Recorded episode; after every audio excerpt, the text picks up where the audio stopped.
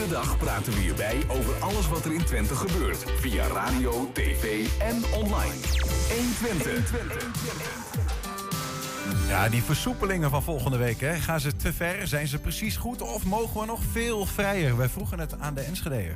De Koningsspelen die zijn niet alleen voor basisschoolkinderen, maar ook voor ROC-studenten een mooie activiteit. Suzanne Vlokstra zamelt geld in om haar zieke nichtje te helpen aan de behandeling die ze o zo nodig heeft. En CDA Losser ondertekent een brandbrief met steun voor Pieter Omtzigt en zegt dat CDA en Rutte 4 voor hen geen optie is. Ja, het is vrijdag 23 april en dit is 120 vandaag.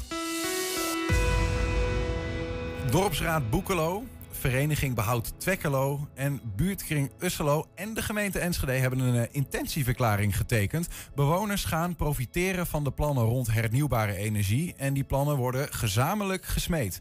Dat is na jaren van eh, verwoede discussies een andere toon. Is het ook een doorbraak? We vragen dat aan Jeroen Verhaak, voorzitter van de Dorpsraad Boekelo. Welkom. Dank u wel. En we hebben ook eh, verantwoordelijk wethouder Niels van den Berg aan de Zoom. Ook goedemiddag. We horen eh, Van den Berg nog niet, maar daar gaan we nog even eh, naar kijken. Ehm, ja, gezamenlijk plannen smeden, bewoners eh, profiteren. Die intentie die klinkt in ieder geval veelbelovend, Jeroen. Is dat nou de, de ommezwaai in de benadering die, waarop jullie gehoopt hadden? Wat ons betreft wel. Laat ik er heel duidelijk in zijn. Um, wat wij beogen met uh, deze intentieovereenkomst, is om samen met de gemeente te gaan kijken waar we welke soort energie het beste kunnen gaan, uh, gaan opwekken. Mm -hmm. En uh, natuurlijk heeft bij ons de voorkeur om eerst te kijken naar zonne-energie. Dat is ook vaak het gemakkelijkste. Er zijn legio mogelijkheden nog op allerlei daken en, en gebouwen van bedrijven, boerderijen, boerenschuren en dergelijke. En um, kijk, windenergie sluiten we niet per se uit. Maar dan moeten we heel serieus kijken waar je dan wat wilt gaan, ja. Gaan plaatsen en uh, waarom. Uh, kijk, windmolens met een hoogte van 230 meter is natuurlijk een heel ander uh, verhaal. Er zijn meer mogelijkheden om iets met windenergie te doen. En hoe en waar, dat gaan we wel eens even verder bekijken. Ja, wat is er nou wezenlijk anders nu dat die intentieverklaring er ligt, wat jullie betreft? Nou, het verschil is dat tot voor kort de gemeente met plannen kwam van daar komen windmolens, daar komt zonne-energie. tot die, om mm -hmm. die twee te, te beperken. Um, we hebben van het begin af aan gezegd van nou, laten, we eens, laten we eens omdraaien. Laten wij nou eens gaan kijken en jullie gaan adviseren waar nou wat het beste kan komen. Mm -hmm. Nou, met deze intentieovereenkomst gaan we dat gewoon doen. De regie gaan we samen voeren. Ja. Dus gemeente en de drie uh, organisaties zijn samen verantwoordelijk dat er een goed buurtenergieplan komt. Niels van den Berg, uh, inmiddels uh, hoop ik hem te horen. Ook goedemiddag. Ja, dat gaan we testen. Goedemiddag. Ah, kijk, we horen elkaar, dat is heel goed. Um, ja, mooi. Dit, er lijkt nu eindelijk uh, ja, een gezamenlijke benadering van dat plan. De vraag is dan ook meteen, ja, was dat niet iets wat meteen vanaf het begin zo had gemoeten? Ja, vanaf het begin. Ik, ik vind het goed dat het er ligt nu. Dat is wat Jeroen ook zegt. Ik ben er echt trots op en ontzettend blij mee. Omdat ik uh, vind ook dat we die uh, hele energietransitie, dat we iets moeten. Dat merk je ook in de samenleving. Dat, dat vindt iedereen. En als het dan dicht in de buurt komt, dan vindt, vinden veel mensen dat ook niet prettig. Maar als je dan met vertegenwoordigende organen, zoals de Dorpsraad Boekelo, uh, Vereniging Bouw Twekkelo en Usselo in dit geval, een jaar lang, ruim een jaar lang gesprekken voert om tot een gezamenlijke aanpak van, vanuit de samenleving te komen en je staat waar we nu staan, dan, dan ben ik daar echt heel trots op en blij mee. Want ik ook het meest ver op deze manier. Ja, ik vraag me toch af om ook even helder te krijgen van... soms heb ik dat nog steeds... en misschien is dat wel überhaupt ook voor jullie als gemeente een vraagstuk... maar waar stopt nou um, de regie vanuit de overheid? Waar stopt het, top-down denken van... nou ja, daar komen ze, want we hebben ze nodig. En waar begint uh, de hand voor meneer Verhaak hier bijvoorbeeld? Waar, wanneer mag hij zeggen... nou ja, dit willen we wel, dat willen we niet? Hoe zit, die, hoe, hoe zit dat samenspel eigenlijk? Ja, dat is een samen, uh, samenspel uh, heel compact als volgt. Je hebt natuurlijk te maken waar uh, en meneer Van Haak en deze wethouder en deze stad ook geen, geen, geen, geen invloed op heeft in beperkte mate. Dat is het klimaatakkoord, Parijs. Daar hebben we gewoon in wet en regelgeving vastgelegd taken uit te voeren. En die worden ons als gemeente ook opgelegd. Mm -hmm. wat je wel is dat je als bestuurder lokaal en als college in deze stad zegt van ja, dat is allemaal leuk en aardig. En we vinden ook dat we die verantwoordelijkheid moeten pakken en nemen.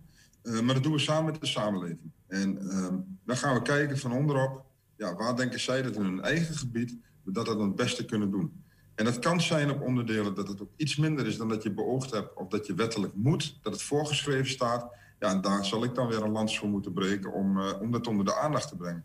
Doe je dat niet, dan krijg je het andere spoor, protesten, petities, zienswijze, die we heel veel hebben gehad natuurlijk nu bij de energievisie ook. Um, ja, en dan kom je bij Raad van State procedures. En daar willen we heel veel, maar daar hebben we over zeven jaar nog helemaal niets gerealiseerd. En dit is vanuit constructief met elkaar samenwerken. Ga ik een, een, een bommetje droppen? Want uh, als we kijken naar uh, de dingen die er liggen nu in de huidige energievisie, dan staan daar volgens mij nog steeds een aantal best wel hoge windmolens. En die staan min of meer in uw achtertuin, meneer uh, Verhaak. Nu hebben jullie een intentieverklaring samen. Wat gaat u nu zeggen tegen de gemeente? Nou, we hebben daar al het nodige op gezegd, want we hebben een zienswijze ingediend tegen de energievisie. Dat weet meneer Van den Berg uh, ook. Mm Die, hij kent ook onze standpunten en we kennen ook hun, zijn standpunten. En we liggen op dit moment helemaal niet zo ver uit elkaar, want eigenlijk willen we hetzelfde. Namelijk gewoon die 150 terajoule tot 2030 realiseren.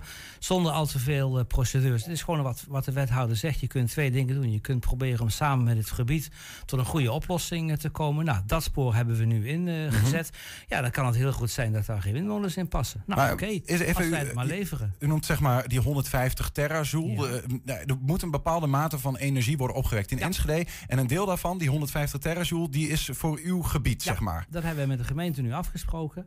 En dat lijkt ons redelijk en dat lijkt ons ook zeer wel haalbaar om dat tot 2030 ja. te realiseren. Meneer, uh, meneer Van den Berg, betekent dat ook dat de rest van wat Enschede moet opbrengen, zeg maar, uh, alles wat Enschede moet opbrengen, min die 150 terajoule, dat die dan door de rest van Enschede moet worden binnengebracht?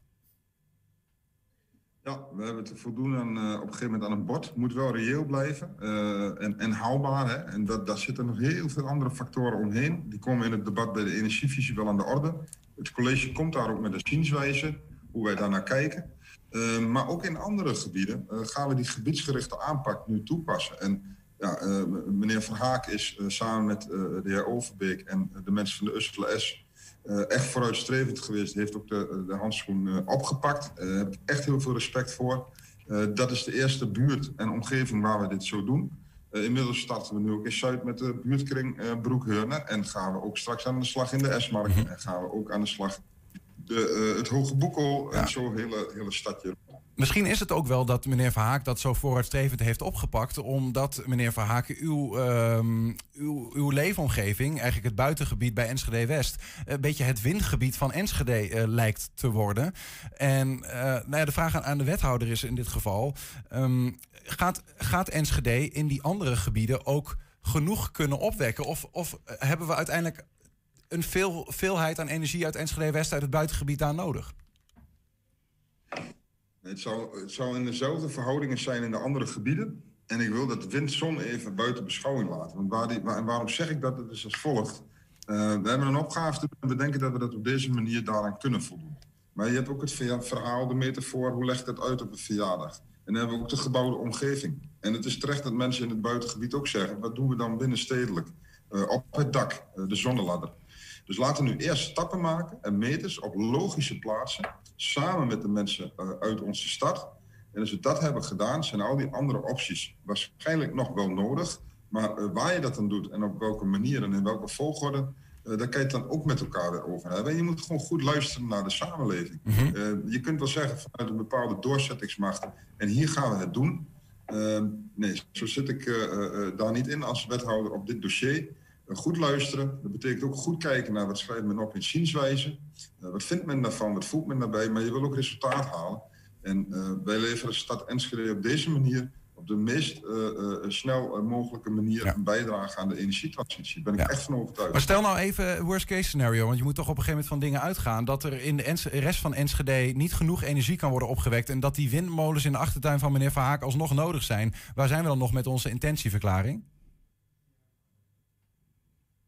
Nou, daar hebben wij over gesproken. Er is mij ook gevraagd. En we begrijpen heel goed van elkaar wat het krachtenveld ligt. Dus als je hem heel erg uh, uh, helder samenvat, dan is mij dat ook gevraagd door deze partijen in West. Wij willen ook dat de windmolens uh, daar onderdeel van uitmaken, van die intentieovereenkomst. Toen heb ik aangegeven, maar dat kan ik niet, want ik heb een opgave te verrichten. Dus bestuurlijk gezien vanuit het college nemen wij het op dat het planologisch kan in West.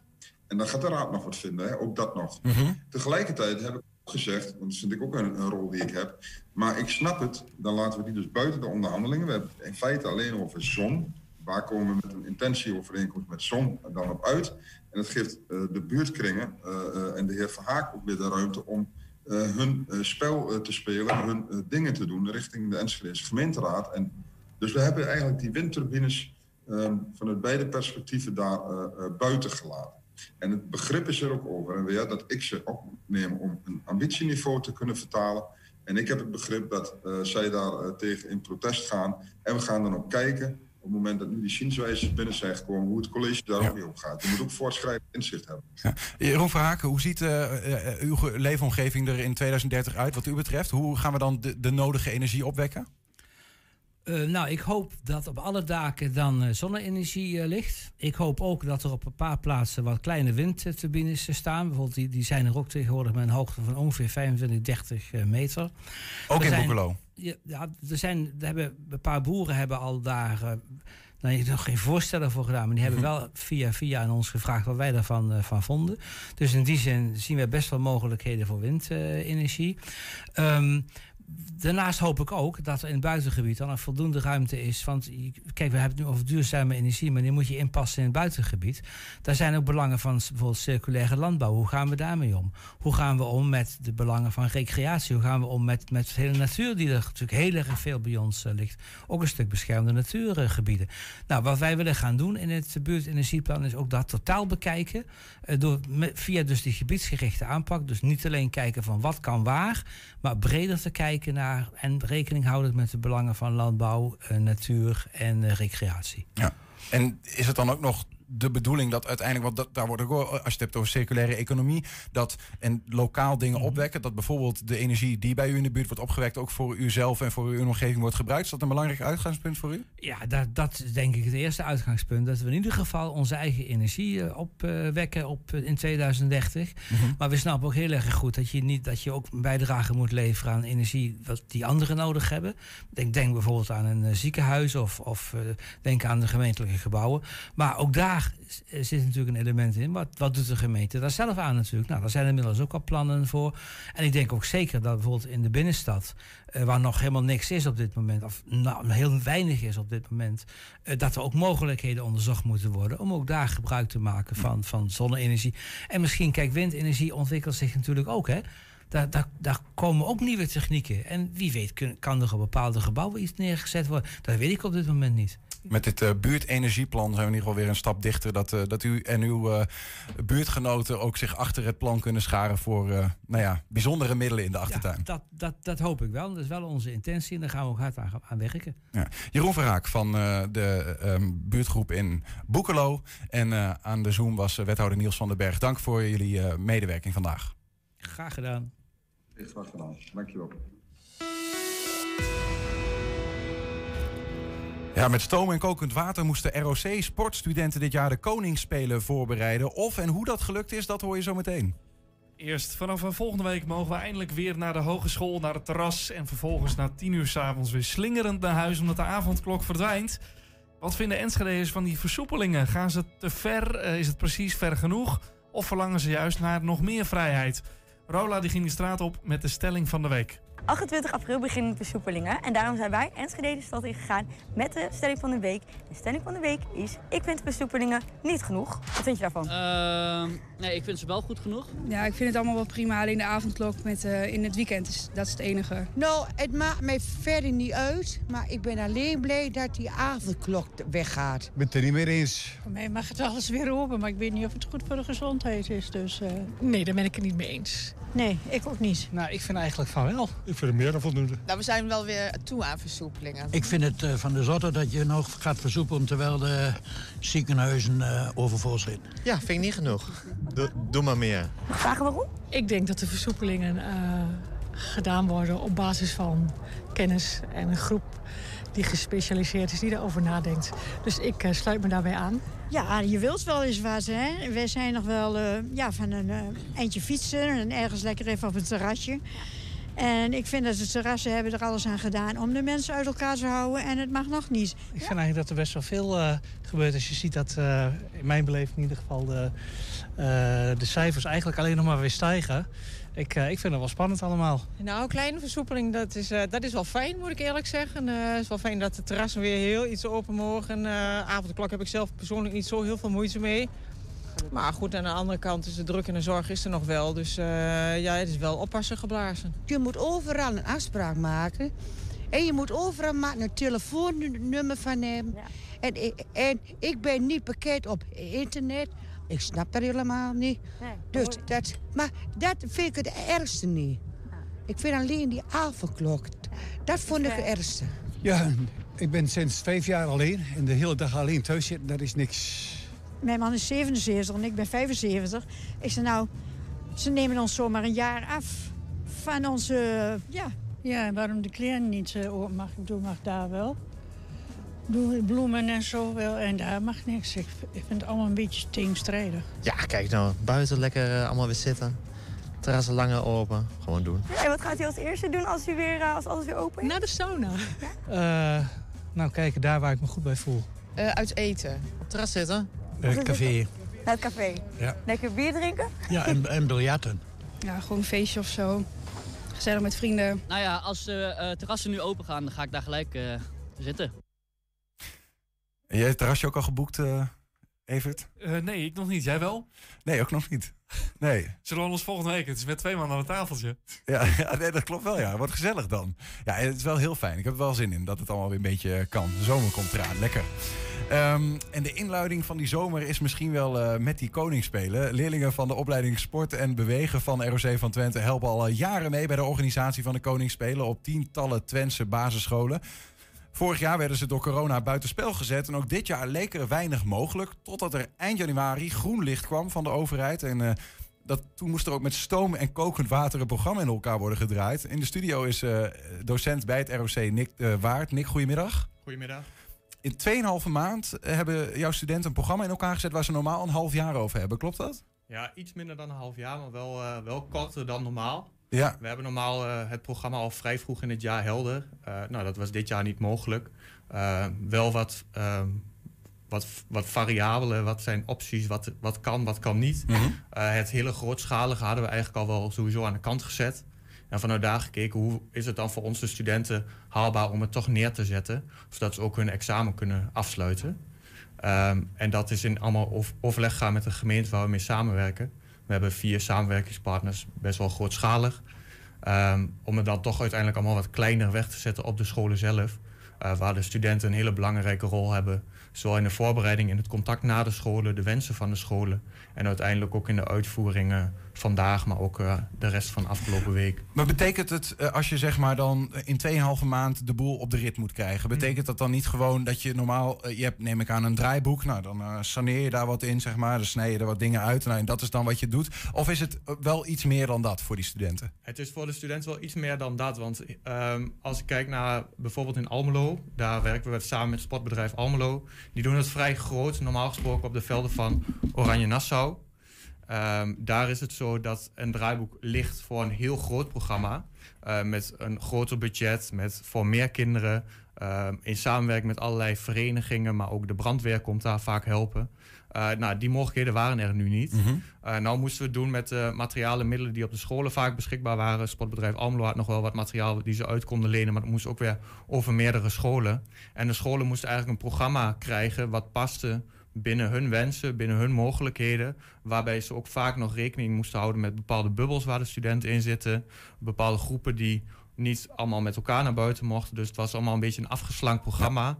Maar wel binnen de, maximaal binnen de mogelijkheden die er waren. Want, eh, er doen 35 basisscholen mee waar ROC-studenten helpen, Ja, we geloof ik hebben op toch? zo'n 35 scholen in Borne, Hengelo en Enschede. Eh. Almelo en Enschede. En die koningsspelen zijn op de, eh, eigenlijk in de omgevingen van die eigen school. Dus Eh, daar moet het gebeuren. Ja, ja vaak op het plein eh, of op een veld toevallig wat in de buurt is. Eh, maar ja, niet heel, de scholen hebben vaak niet zo heel veel. Eh, want je kunt niet uitwijken naar andere plekken. En daar zit dan meteen, meteen misschien ook de uitdaging. Daar dat het, de, de ruimte klein is en dat ook de materialen niet altijd veel voorhanden Mhm. zijn.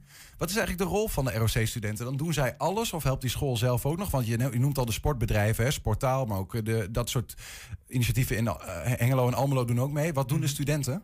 Eh, de studenten zijn nu gekoppeld eh, aan een school. Eh, bij de school zit een soort van event manager, een contactpersoon op de school die daar richting onze studenten ook het contact onderhoudt. Mhm. Nou, en vanuit een soort vanuit de randvoorwaarden die ze vanuit school kregen, hebben de studenten een plan geschreven. Dat plan hebben ze in de twee, tweeënhalve maand voorgelegd, eh, bijgeschaafd. Eh, zowel inhoudelijk op activiteiten, in speelschemaatjes, in eh, een stukje communicatie naar ouders, naar de kinderen, met posters, flyers, noem alles maar op. Ehm, en op het moment dat ze dat tot een mooi helder plan hadden en in een draaiboek hadden, gingen ze het uitvoeren. Ja. En daarbij hebben onze eerstejaarsstudenten vooral ook ondersteund om weer hun rugzakje te vullen richting volgend jaar. Want de organisatie was in handen van veelal tweedejaarsstudenten. Nou, de tweedejaarsstudenten die organiseren het en geven het ook weer door. En ook in de Ja. uitvoering helpen die eerstejaars mee. Maar die Ja. worden ook doorgegeven aan hen. Ja. Ja. Eh, Hoe is dat eigenlijk, zo'n samenwerking tussen tweede en eerstejaars? Is dat een succes? Ehm, veelal is het wel een succesjaar. Vaak krijg je nog wel in het begin, met name, er wordt iets van je verwacht. Dat wordt dan door een medestudent verteld. krijg je in het begin een beetje weerstand, maar op de dag zelf dan eh, stappen ze daarvan opzij. en dan doen ze echt wel wat er van hun verwacht wordt. Show must go on. Dan moet het toch wel gebeuren, ja. Ja, en dan wordt het in één keer echt. Want normaal gesproken geven ze veel al in het eerste jaar les aan hun eigen klas. Nou, die luisteren wel netjes, die doen wel wat van je gevraagd wordt, horen wel een beetje. Maar een kleuter, die is eh, echt wel kleuter. En die moet je toch op een andere manier eh, informeren. Ja. En moet anders op een andere manier mee omgaan in je begeleiding. Hoe zijn de reacties dan bij, bij studenten, bij ROC-studenten na zo'n week? Want het is nu aan de gang, hè, tot 26 april. Ja, volgende week zijn er nog een aantal. Ehm, de reacties vanuit de scholen zijn heel positief. Eh, onze studenten die vinden het echt wel leuk om er mee, bezig te zijn. En dit is uiteindelijk wel waar ze voor opgeleid worden. Er zullen ook studenten zijn die nu erachter komen... hey, misschien is dit niet wat ik leuk vind... of misschien eh, past dit toch iets minder bij mij. Eh, het organiseren, het coördineren, het bewegen, verbinden. Kleuters. Kleuters, nou, dat is maar één doelgroep. Je kunt Ja, ook bewegen met ouderen. Dus net een beetje afhankelijk de- van het uitstroomprofiel waar je naartoe gaat. Eh, maar in de basis, ja, dit is wel waar je voor opgeleid wordt. Ja, ja, ja. Eh, is dat eigenlijk eh, iets wat eh, in het land breder gebeurt? Dat, dat st- ROC-studenten of studenten met die koningsspelen helpen? Ik dacht altijd dat die scholen dat gewoon zelf deden. Dan ging de juf van groep 8 ging hoepel rennen en zo. Nou, wij hebben de Koningsspelen echt al een aantal jaren in Twente op deze manier wel weggezet. In, in samenwerking met, met, met, eh, met de verschillende gemeenten. Ik weet niet precies hoe het in de landen zit, maar landelijk gezien moeten de studenten gewoon drie examens afronden in het tweede jaar. Dat gaat bij ons over Kentak 1 het lesgeven, Kentak 2 het organiseren van evenementen. Mhm. En Kentak 3 is het ehm, professiegebonden taken uitvoeren binnen een organisatie. En nou, op het moment dat je dan over evenementen organiseren dat kan je doen met de Koningsspelen, is een heel mooi iets om, om te doen.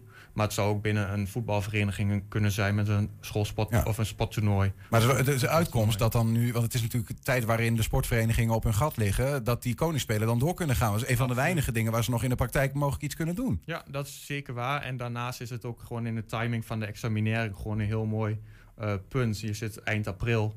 Eh, in mei, juni heb je het dan eigenlijk al afgerond. Dus dan ben je gewoon echt lekker op tijd. Morgen moeten ze door naar de bovenbouw van de opleiding. Hebben eigenlijk alle scholen hetzelfde programma tijdens de Koningsspelen? Nee, de scholen hebben echt wel een verschillend. Sommige scholen hebben ook speciale wensen. Eh, afhankelijk, soms zit er een themaatje aan. Het thema van dit jaar landelijk was ik en, ik en jij is wij. Of ik plus jij is wij. Dus een stukje saamhorigheid, eh, verbinden.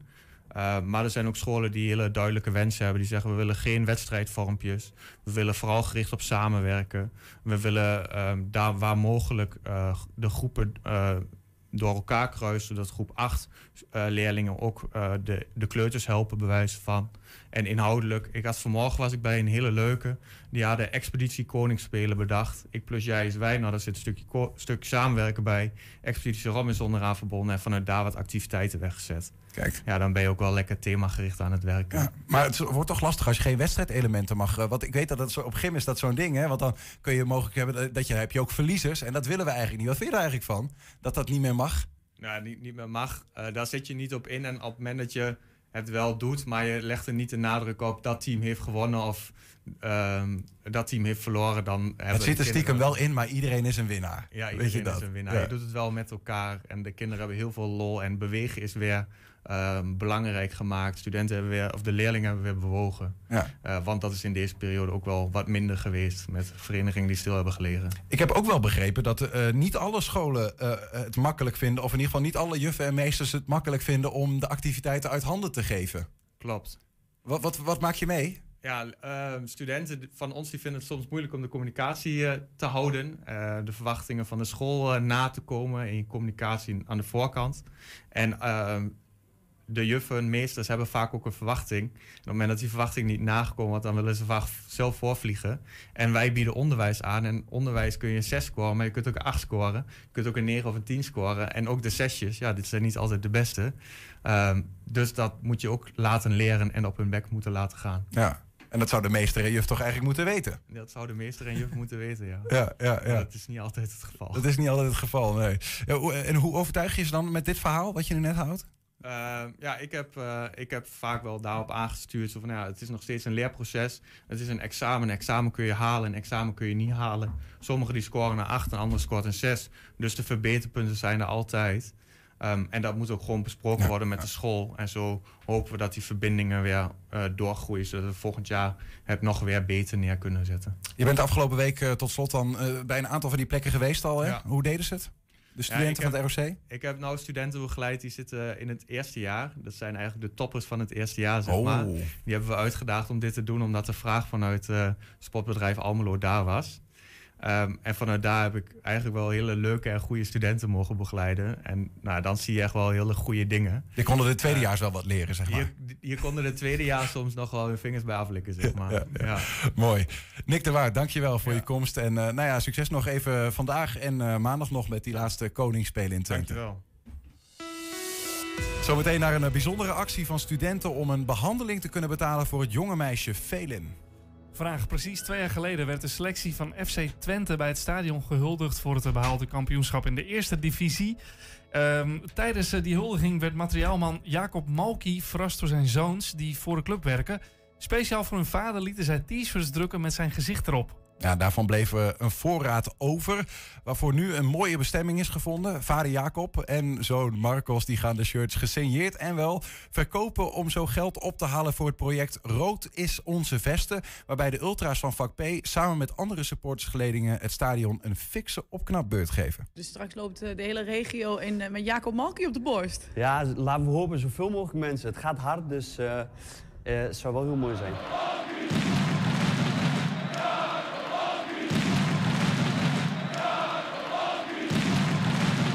Vader en ik zijn op het idee gekomen om zijn laatste shirts van het eh, kampioenschap van 2018-2019 eh, te verkopen. Hij heeft alle shirts eh, heeft hij, ondertekend. En eh, de hele opbrengst die, die we ophalen, die wordt geschonken aan vak P. Omdat, aan, omdat de jongens bezig zijn met het stadion, met het project Rood is onze vesten.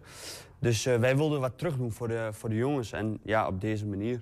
We weten allemaal wel dat we een beetje in moeilijke tijden zitten. En eh, ja, dat deze groep mensen gewoon eh, in hun vrije tijd het hele stadion kleurt en ehm, eh, alles voor de club over heeft. Dus dat is een van, een van de grootste redenen dat we dit doen. Heb jij al een reactie gehad van, van die groep? Ze vinden het een heel mooi gebaar. Het had niet gehoeven, maar ja, de, ja wij vonden van wel, dus het is extra leuk. Eh, de shirts zijn eh, 20 euro. We hebben een speciaal mailadres aangemaakt en dat is uh, steunvakp@gmail.com. Via daar kunnen de mensen een shirt bestellen. En zodra iemand wat mailt, dan wordt aangegeven of de maat er nog is. En dan wordt alles geregeld. En alle extraatjes wat erbij komen, worden ook allemaal gedoneerd. Dus eh, we hopen een heel leuk bedrag op te halen. Ah, mooi, mooie actie. Over naar een andere actie. Ja, we zitten vol acties vandaag. Studenten van Saxion die steken hun eh, armen namelijk uit de mouwen voor Felin. Een driejarig meisje met een zeldzame en levensgevaarlijke vorm van epilepsie. Maar er is hoop. Felin krijgt namelijk de mogelijkheid voor een behandeling. Al is dat niet zo makkelijk. De behandeling moet namelijk worden uitgevoerd in Amerika. En door knuffels te maken en te verkopen proberen de studenten van het Saxion een eh, opbrengst op te halen. Zodat Velin uiteindelijk naar Amerika kan. In de hoop dat ze haar leven terugkrijgt. Zoals dat elk kind dat eigenlijk verdient. Initiatiefnemer van die actie is Suzanne Vlokstra. Welkom. Dankjewel. Ehm, je bent initiatiefnemer van die actie. En dat is geen toeval, toch? Nee, dat klopt. Eh Velen is mijn nichtje. Dus, haar ouders hebben een paar maanden terug een stichting opgericht voor haar om geld in te kunnen zamelen. Eh, om dus die behandeling te kunnen gaan betalen. En toen was op een gegeven moment kwam er de vraag van ze willen graag zeg, de mascotte gaan namaken van de stichting. En de vraag van zijn er mensen die handig zijn met de naaimachine? Toen dacht ik meteen van nou ja, op mijn opleiding zitten zoveel mensen die dat kunnen. Dus waarom zou ik niet hulp gaan vragen erbij? Ja, ja. Ja. We hebben hier een foto. Dit is ze. Velin, je kunt hem zelf ook daar eh, in de hoek zien. Wat is Velin voor een meisje? Ja, het is gewoon super lief, vrolijk. Ik denk dat eh nog veel vrolijker zou kunnen zijn zonder de aandoening natuurlijk. Ja, ze houdt gewoon van spelen. Gewoon haar knuffeltje houdt ze van. Zus, uit een klein zusje. Dus eh, ja. Maar ze is ziek. Meisje. Ja, ze is ziek.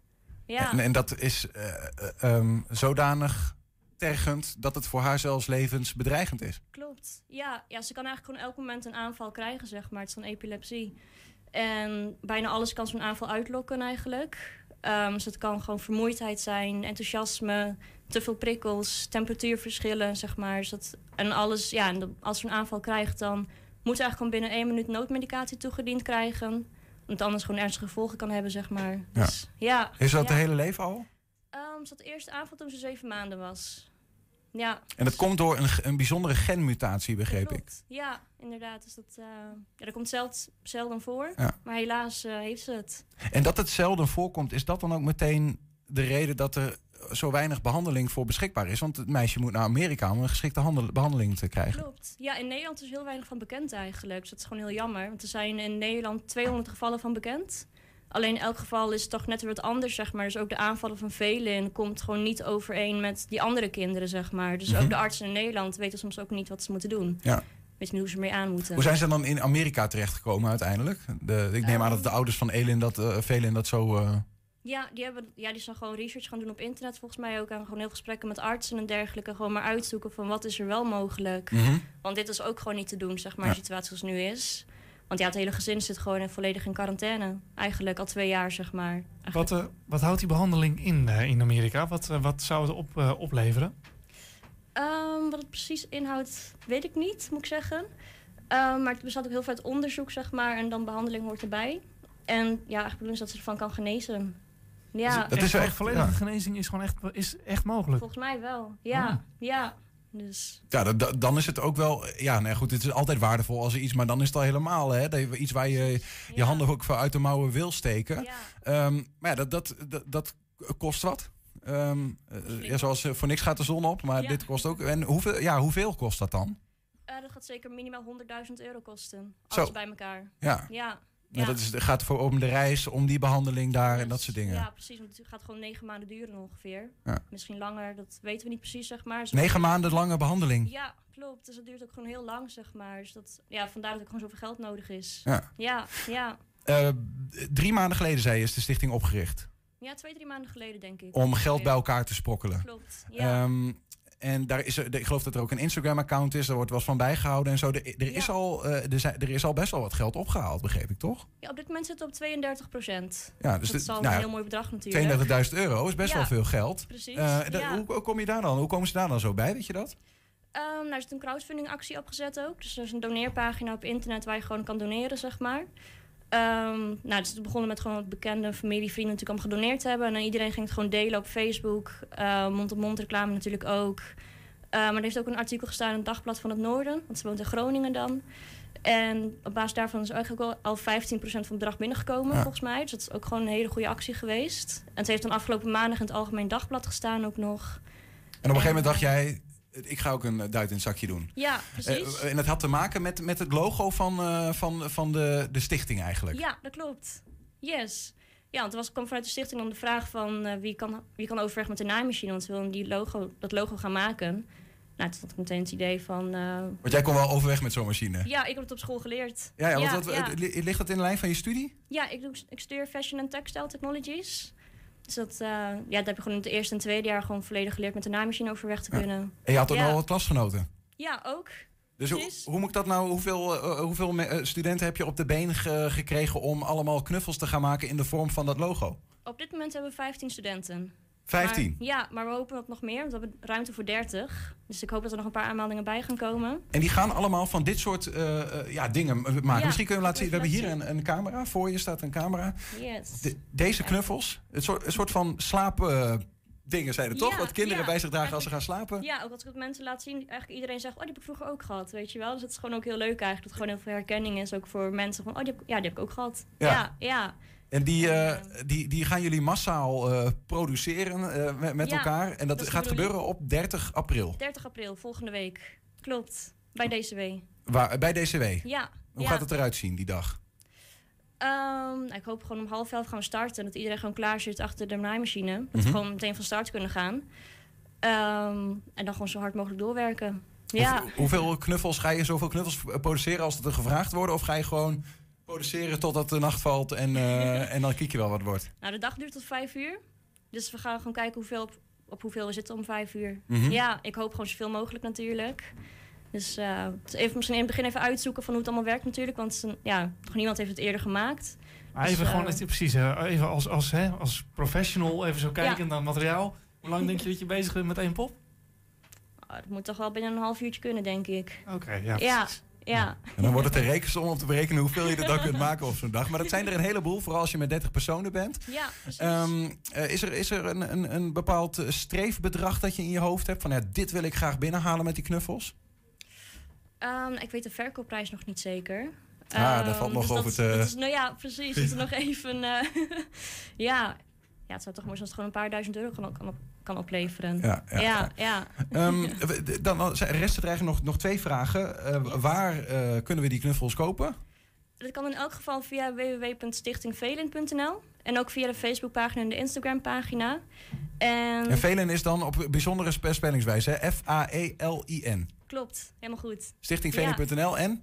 En ook via de Instagram en de Facebookpagina. Nou, ga daar even kijken. En ook als je, denkt, als je mee wil helpen en je denkt van... ik kan ook met die naaimachine overweg. Ik vind het een fantastisch verhaal. Kun je daar ook terecht, denk ik. Klopt. Nou, ga daar even Ja. kijken. Suzanne Vlokstraat, dankjewel. En eh super veel succes met de actie. Dankjewel. Ik zit net even te rekenen. Als je met 30 man zit, dan kom je op ongeveer 390 uit. Wat uitproberen. Dat zou mooi zijn. Dat zou heel mooi zijn. Ja. 390 knuffels. Nou, hartstikke idee. Ik- Allemaal keer 100 euro en dan hebben we genoeg. Bijna. Dankjewel, Suzanne.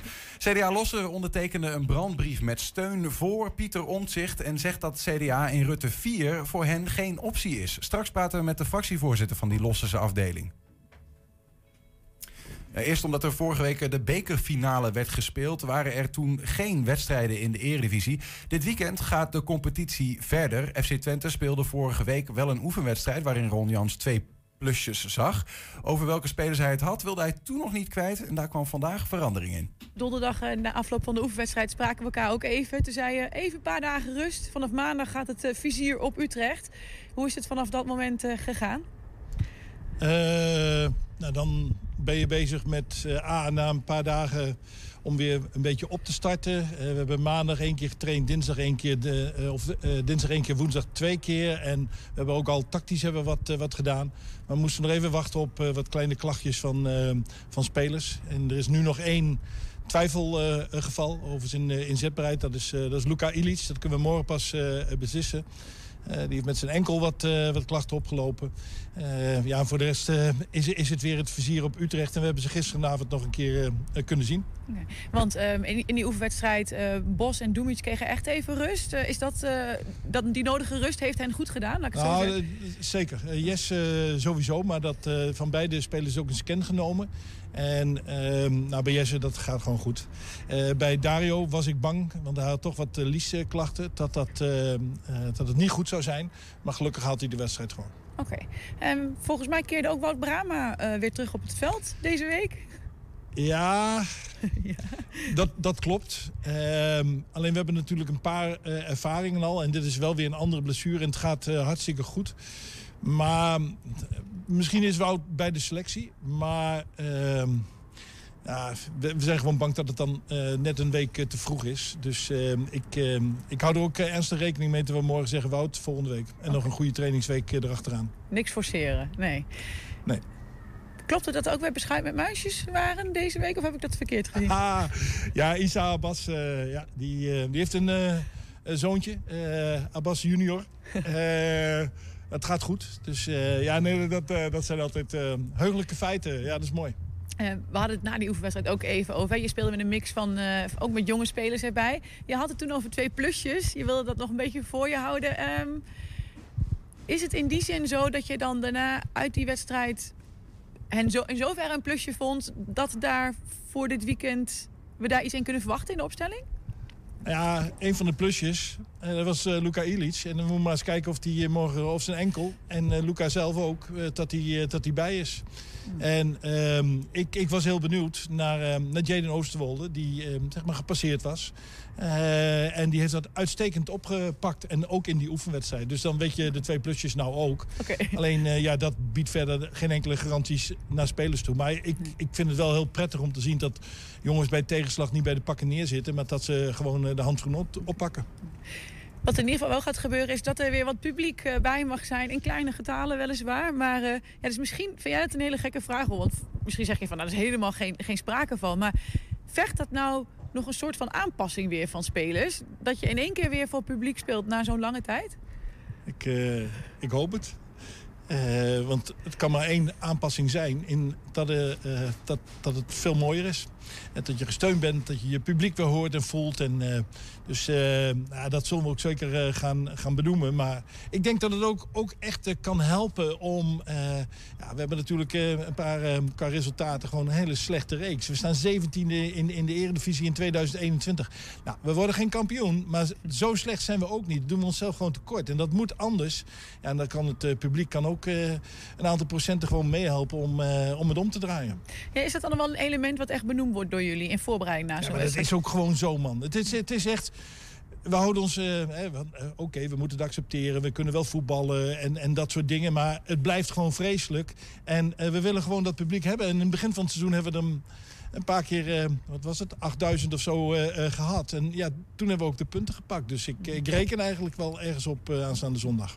Tot slot, je zegt ja, we worden geen kampioen. Maar ja, die achtste plek is nog wel een serieus... Ja, eh, maar die achtste plek, eh, dat, dat, eh, wij, gaan ons echt focussen om het om te buigen. En dat begint met je eerste overwinning. En dat je ook meer goals maakt. En, Dan hang je niet zozeer dat, die dat, positie Dat aan. andere, dat, dat, dat zien we dan wel weer. Want we... eh, z- zelfs als je niet zou winnen van Utrecht, dan ben je nog steeds in de race. Omdat je, je hebt Fortuna, je hebt eh, Heracles, eh, eh, RKC, ADO. Dus, dus de- er zitten nog punten in, het, eh, in, het, in de toekomst die, die zijn voor ons weggelegd. Maar tegen Utrecht moet het gewoon beginnen. Al dus Ron Jans. Ik vind het altijd mooi als ik hem zie. Hij doet me denken aan een van de zeven kenners uit een aflevering van Alfred Jodokus Kwak. Eh, Oké. Ja, Eh, eh, ik flauw idee, wat, wat wil je Nee, dat maakt niet zo heel veel uit. Maar dat wou ik even zeggen. Gewoon dat, eh, die- zo- hij heeft zo'n zo, zo, echt zo'n hele goedzak uitstraling. Vind ik mooi. Zo'n 20 CDA-afdelingen uit het hele land spreken in een brandbrief hun eh, expliciete steun uit aan Enschede Pieter Omtzigt. Ook zeggen ze deelname aan een kabinet met Rutte als premier geen optie te vinden. De brief kwam in handen van de Post Online voordat hij vannacht werd verstuurd naar het CDA-partijbestuur en naar de Eerste en Tweede Kamerfractie. CDA Enschede heeft er nog niet openlijk gereageerd, maar onder de ondertekenaars wel de afdeling Losser. Aan de lijn is CDA-fractievoorzitter in Losser, Ellen Visserdijk. Ellen, goedemiddag. Goedemiddag. Ja, wat is wat jullie betreft de belangrijkste mededeling in die brief? Nou, eh, allereerst eh, dat er weinig vertrouwen is en dat er weer orde op zaken moet eh, komen binnen onze eigen partij. We hebben eerst als Noordoost-Twente onlangs direct na de verkiezingen ook al een brief naar het partijbestuur gestuurd. Met onze teleurstelling en ja, een aantal kritiekpunten waar we graag over in gesprek willen met het partijbestuur. Daar hebben we ook een reactie op gehad. Nou ja, en eh, de actie die eh Heerlen nu op touw heeft gezet, of de brandbrief die zij hebben geschreven, maar goed, die nog de ronde deed, maar ik heb begrepen onverwachts is uitgelekt. Hè? En dan zouden nog meer eh, afdelingen waarschijnlijk aan gaan haken. Maar in elk geval, dat is eigenlijk daar een vervolg op. En dat gaat naar wat meer over de kabinetsformatie op dit moment. Ja, is, is het zo dat, dat doordat die brief is uitgelekt, dat er andere afdelingen mogelijk zeggen van nou ja, dan houden wij de handen er nog even vanaf? Nou, nee, dat niet. Eh, ze waren aan het inventariseren wie die brief allemaal mee ging ondertekenen. En eh, nou goed, dus die brief is dus eh, wat, sneller in de publiciteit gekomen. En toen hebben ze hem maar gelijk op de post gedaan. Mhm. Maar goed, het is in eerste instantie natuurlijk een intern stuk. En er staat ook niks geen geheims in wat dat betreft. Maar goed, het is natuurlijk wel belangrijk dat je eerst zorgt dat je zelf orde op zaken stelt binnen, binnen de eigen club. Ja. En eh, dan met je omgeving in gesprek gaat. Even een aantal, Maar dingen, goed, eh, even een aantal ja. dingen eruit halen hoor, eh, mevrouw Visserdijk. Eh, bijvoorbeeld in die brandbrief staat ehm, dat er eigenlijk te weinig aandacht en waardering van de partij is geweest voor Pieter Omtzigt's eh, nieuw sociaal contract in de campagne. hè. Het boek dat hij heeft geschreven en ze- eigenlijk zijn persoonlijke campagne voor om ons Nederland, onze rechtsstaat, onze democratie anders in te richten. Ehm, want het huidige syste- systeem deugt niet meer, dat onderschrijven jullie ook? Ja, dat is eh, onderschrijven. En dat is natuurlijk heel pijnlijk duidelijk geworden met de toeslagenaffaire. Hè? En onlangs nog weer afgelopen woensdag, toen bekend werd eh, door, door RTL Nieuws, eh, dacht ik, Mhm. Hè, dat er eh, door het kabinet informatie eh, bewust is achtergehouden. En ik geloof dat het kabinet daar vanmiddag een eh, beslissing over neemt. Hè, of, die brieven of die verslagen allemaal naar buiten gaan. Maar ja, goed, dat, dat was toch wel ontzettend teleurstellend allemaal. Hè. Ja. Dat gaat dan over, over het verkeerd inlichten en zo. Ik bedoel, over de toeslagenaffaire ook een quote, een citaat uit die brandbrief. En er staat: De regering heeft het parlement en de rechterlijke macht jarenlang ontijdig, onvolledig en onjuist geïnformeerd. En ook Mark Rutte is de verpersoonlijking van deze neergang van democratische waarden. Ja. Dat zijn keiharde woorden, hè? Ja, dat zijn inderdaad keiharde woorden. Maar goed, hij heeft natuurlijk wel leiding gegeven aan het kabinet. Hè? En ik bedoel, we hebben een hele proces eh, kunnen volgen onder leiding van eh Verdam. Mhm. Hoe het allemaal gegaan is. En eh, ja, dan eerst niet kunnen herinneren en dan toch komt er weer wat boven borrelen. Ja, dat eh, getuigt natuurlijk eh, ja, ook wel een beetje eh, van weinig, eh, ja, hoe moet ik het zeggen... manier van omgaan met, met, met, met mensen. Hè? Dat dat gewoon ontzettend slecht is. Het is hoe dan ook voor jullie um, reden om te zeggen: een kabinet met CDA en Rutte is geen optie.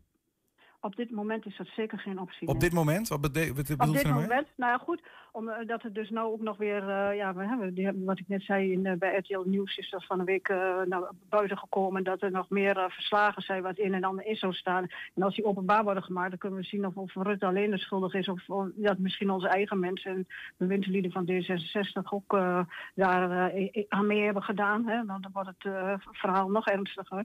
Maar eh, ja, Ja, wat zou dat betekenen dan? Wat, want, eh, want eh, even ervan uitgaan, eh, u bedoelt eh, bijvoorbeeld even een zinsnede uit het stuk van RTL. Die hebben een reconstructie gemaakt van uitgelekte ehm, notulen van de ministerraad. Ehm, Mhm. Daarin, zij, zij benoemen dat als eh, hoe de ministerraad steen en been klaagde over kritische Kamerleden. Bijvoorbeeld omzicht. Zo wordt in de kabinetsvergadering van eh, november 2019 afgesproken dat de Tweede Kamer geen volledig feitenrelaas zal krijgen over welke ambtenaren en politici wisten van Mhm. en verantwoordelijk waren voor het onrechtmatig handelen van de Belastingdienst. Ehm, en daar zou dan met medeweten zijn gebeurd van VVD, CDA, D66 en ChristenUnie-ministers, maar ook Ja. van eh, uw eigen minister Hoekstra. Ja, gewoon voor alle bewindslieden. Nou ja, goed. En eh, die verslagen die moeten dus nog eh, openbaar worden gemaakt. Hè. Er zou vanmiddag overleg over zijn, maar ik, ik eh, verwacht wel dat die openbaar worden gemaakt, dat we die kunnen inzien. En eh, ja, dan blijkt pas echt hoe pijnlijk misschien een en ander is. Maar wat is het Dus, gevolg dan daarvan? Want, want dan zijn dan de rapen garen. Hoe, wat doen we dan als, misschien als, als CDA, maar misschien ook wel als Nederland, als we zien van hé, hey, dit, dit is hoe het gaat in Den Haag, blijkbaar. Ja, goed, maar eh, ja, dan eh, zullen we ons opnieuw moeten bezinnen. En ook over de hele kabinetsformatie. Van hoe willen we verder met elkaar? Ik begreep dat Cenk Willink al, al na een zakenkabinet wel over de grootste problemen. Nou, dat is dan misschien wel heel verstandig. Ja, want dan lijkt het bijna dat niet alleen, eh, de, het CD, niet alleen het CDA, niet alleen Mark Rutte met de VVD, maar eigenlijk al die vier coalitiepartijen Ja, boter op hun hoofd hebben. Precies, dan wordt iedereen ermee gesleurd. Ja. Dus, nou ja, goed, en die waarheid die moet eerst boven uh, tafel natuurlijk voor je uitspraken kunnen doen. Maar uh, ja, het zou wel heel veel prettig zijn dat dat uh, zo snel mogelijk komt. Nou ja, dat is dus wat het formatie van het kabinet betreft. En aan de andere kant, nogmaals, ja, moeten we ook zien dat we zelf als partij zo snel mogelijk orde op zaken krijgen. En daarom hebben we direct vanuit Noord-Oost-Twente al een brief gestuurd, gelijk na de verkiezingen. Hè, over onze grote onvrede. Nou ja, en dit is uh, wat meer gericht naar op de kabinetsformatie vanuit mm-hmm. het zuiden van ons land. Maar goed, ik heb begrepen dat er ook een brief uh, uit de grensregio van Drenthe uh, naar het partijbestuur is gestuurd. Dus ja, ja het... er is van alles gaande. Hoe moet het dan wel? Want in die, in die brief zeggen, zeggen jullie, zeg maar als ondertekenaars ook, regeren is voor het CDA haast een tweede natuur geworden. Hè? Heel vaak in ja. het kabinet gezeten. Maar het mag niet ten koste gaan van ons eigen verhaal. Wat is dat verhaal en hoe, ga, hoe moet wat jullie betreft dat verhaal terugkomen in de partijen in Nederland?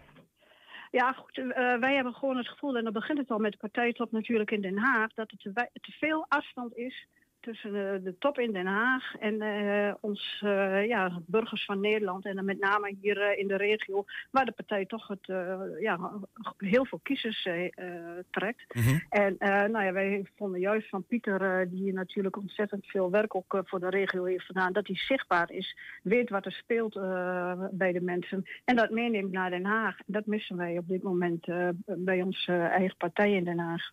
Dat het geluid uit de regio ook daar Uit gehoord de, wordt. uit de regio, ja, en eh, dat gewoon eh, de, de problemen en eh, gevoelens van de doorsnee inwoners van Nederland. Hè, dat we weer een brede volkspartij worden, dat, dat vinden wij belangrijk.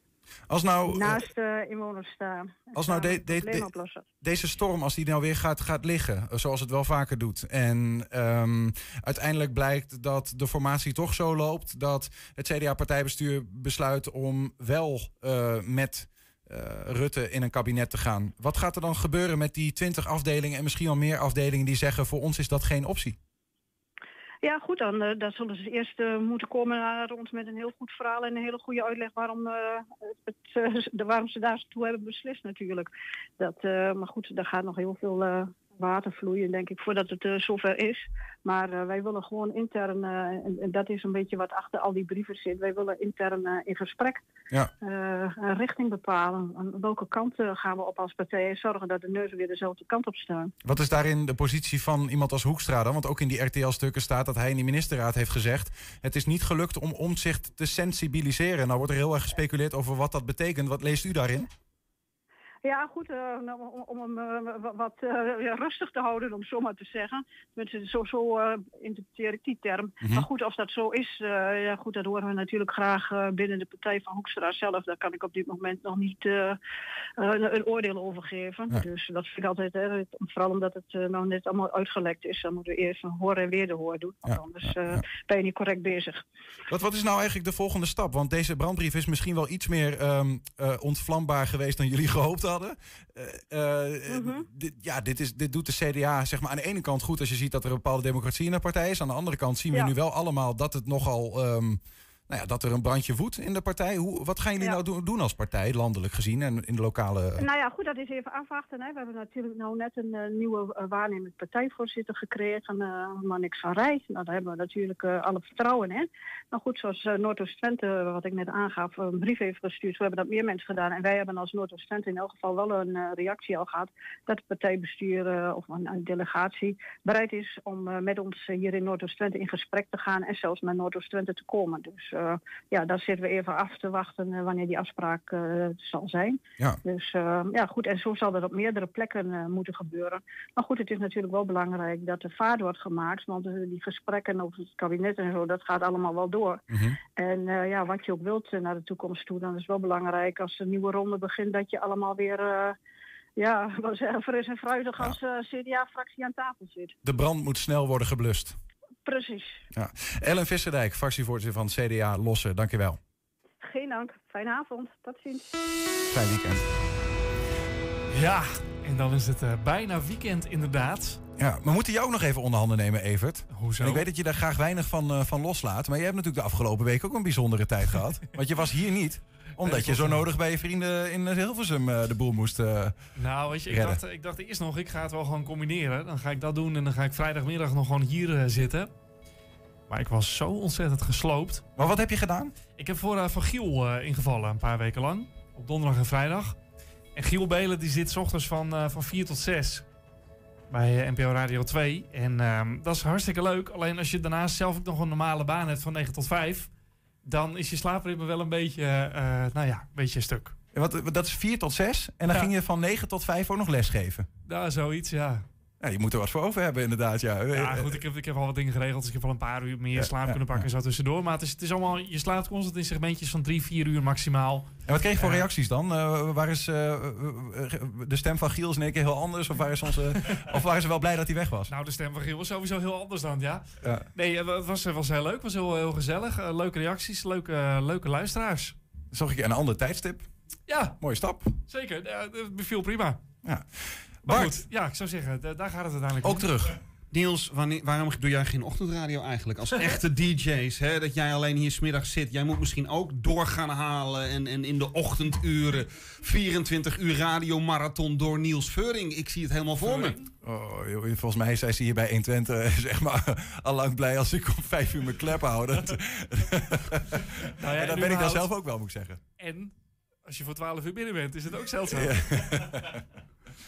Ehm, maar ik zal het overwegen, Bart. Is dat iets wat jij eh, graag zou zien? Dat ik wat, nog wat meer eh, uren op deze zender vul?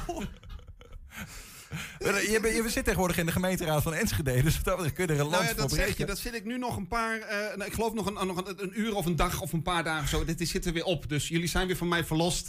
De democratie kan weer normaal functioneren. Ik, eh, ik, ben weer, eh, ik ben weer weg. Hé, hey, maar ik wil niet lullig doen. We moeten even opschieten. Want zometeen begint namelijk Bata Radio. Ook dat nog, dat is ook zo. Ja, ja, ja, ja. En Bart kan weer in alle vrijheid spreken nu hij er bijna unleashed is. Ja, eh, dus ja. hij- ik ben heel benieuwd. Wat Is een column gaat waarschijnlijk de hele GroenLinks door het slijk halen.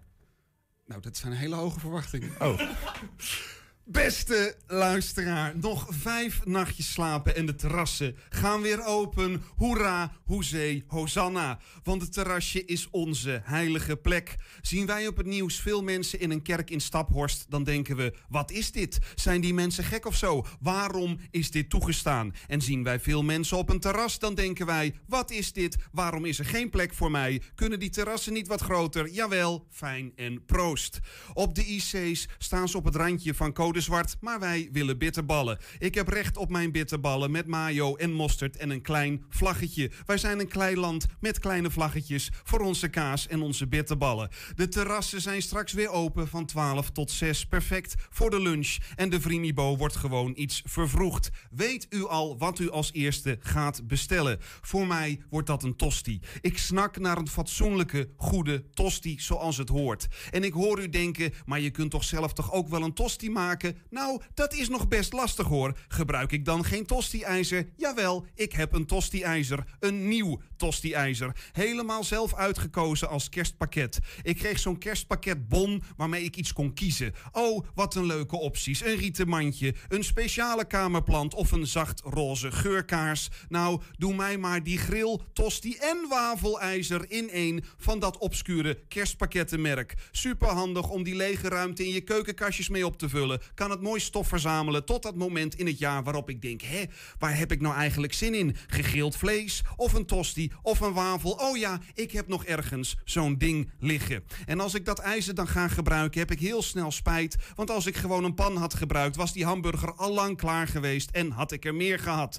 Of nadat ik een kwartier heb staan zwoegen op wafelbeslag, kom ik erachter dat ik na één wafel eigenlijk wel genoeg heb. Dus de rest van dat beslag gaat de koelkast in om schimmel te verzamelen. Mijn punt is, eigenlijk is dat ijzerding alleen goed voor tosties. Mits ik de juiste tosti-ingrediënten in huis heb, anders moet ik weer naar de winkel. En dan zul je altijd zien, dan is net de tosti-ham op en is er alleen nog maar normale ham. Waarom is de wereld tegen mij? Want met gewone ham hou ik ham over. Dat is zonde. En dat extra stukje ham kan er niet bij op de tosti. Want als ik ook nog kaas op die tosti wil, dan kan dat ijzer niet meer dicht. Sowieso is er maar heel weinig ruimte voor heel weinig kaas in dat kerstpakket tosti-ding. Eén plakje kaas, bijna niks. Kindertjes uit arme landen zouden zeggen: joh, wat is dat voor schrale tosti? Maar alleen met weinig vulling en hard duwen krijg ik dus dat tosti-terreur-ding dicht. Mits ik brood heb gekocht met de juiste grootte. Of beter gezegd, brood met de juiste kleinte. Anders kan dat klote ijzerding niet dicht. Dus koop ik casino brood. En dat heet zo omdat het altijd gokken is of het gaat passen. En dat doet het niet. Verwacht dat tosti Terminator ding nou echt dat ik de korstjes eraf ga snijden? Ja, natuurlijk, want tosties worden alleen gegeten door baby's. Wat slim van die producent van dit eikelijzer. Wat meedenkend, lazer toch op. Dit is geen tosti meer. Dit is een belediging voor brood. Maar nu gaan de terrassen eindelijk weer open. De redding is nabij. Goedemiddag, Ober. Mag ik van u alstublieft een tosti, maar dan wel met een klein vlaggetje erin. Net als bij de bitterballen. En daarmee eh, gaat het weekend zo meteen beginnen. Dit was 120 vandaag. Terugkijken kan via de website 120.nl en vanavond om 8 uur en 10 uur via tv. En zometeen, maar ook morgen, de hele dag, de Battle 4 race. Hij gaat toch een klein beetje door dit jaar. Er wordt live radio gemaakt vanaf het UT-terrein. En zometeen vanaf 5 uur hoor je ze. Heel fijn weekend. 120. Weet wat er speelt in Twente. Nu het ANP-nieuws. Goedemiddag, ik ben René Postma. Er liggen minder coronapatiënten in het ziekenhuis en op de intensive care. De totale daling is de grootste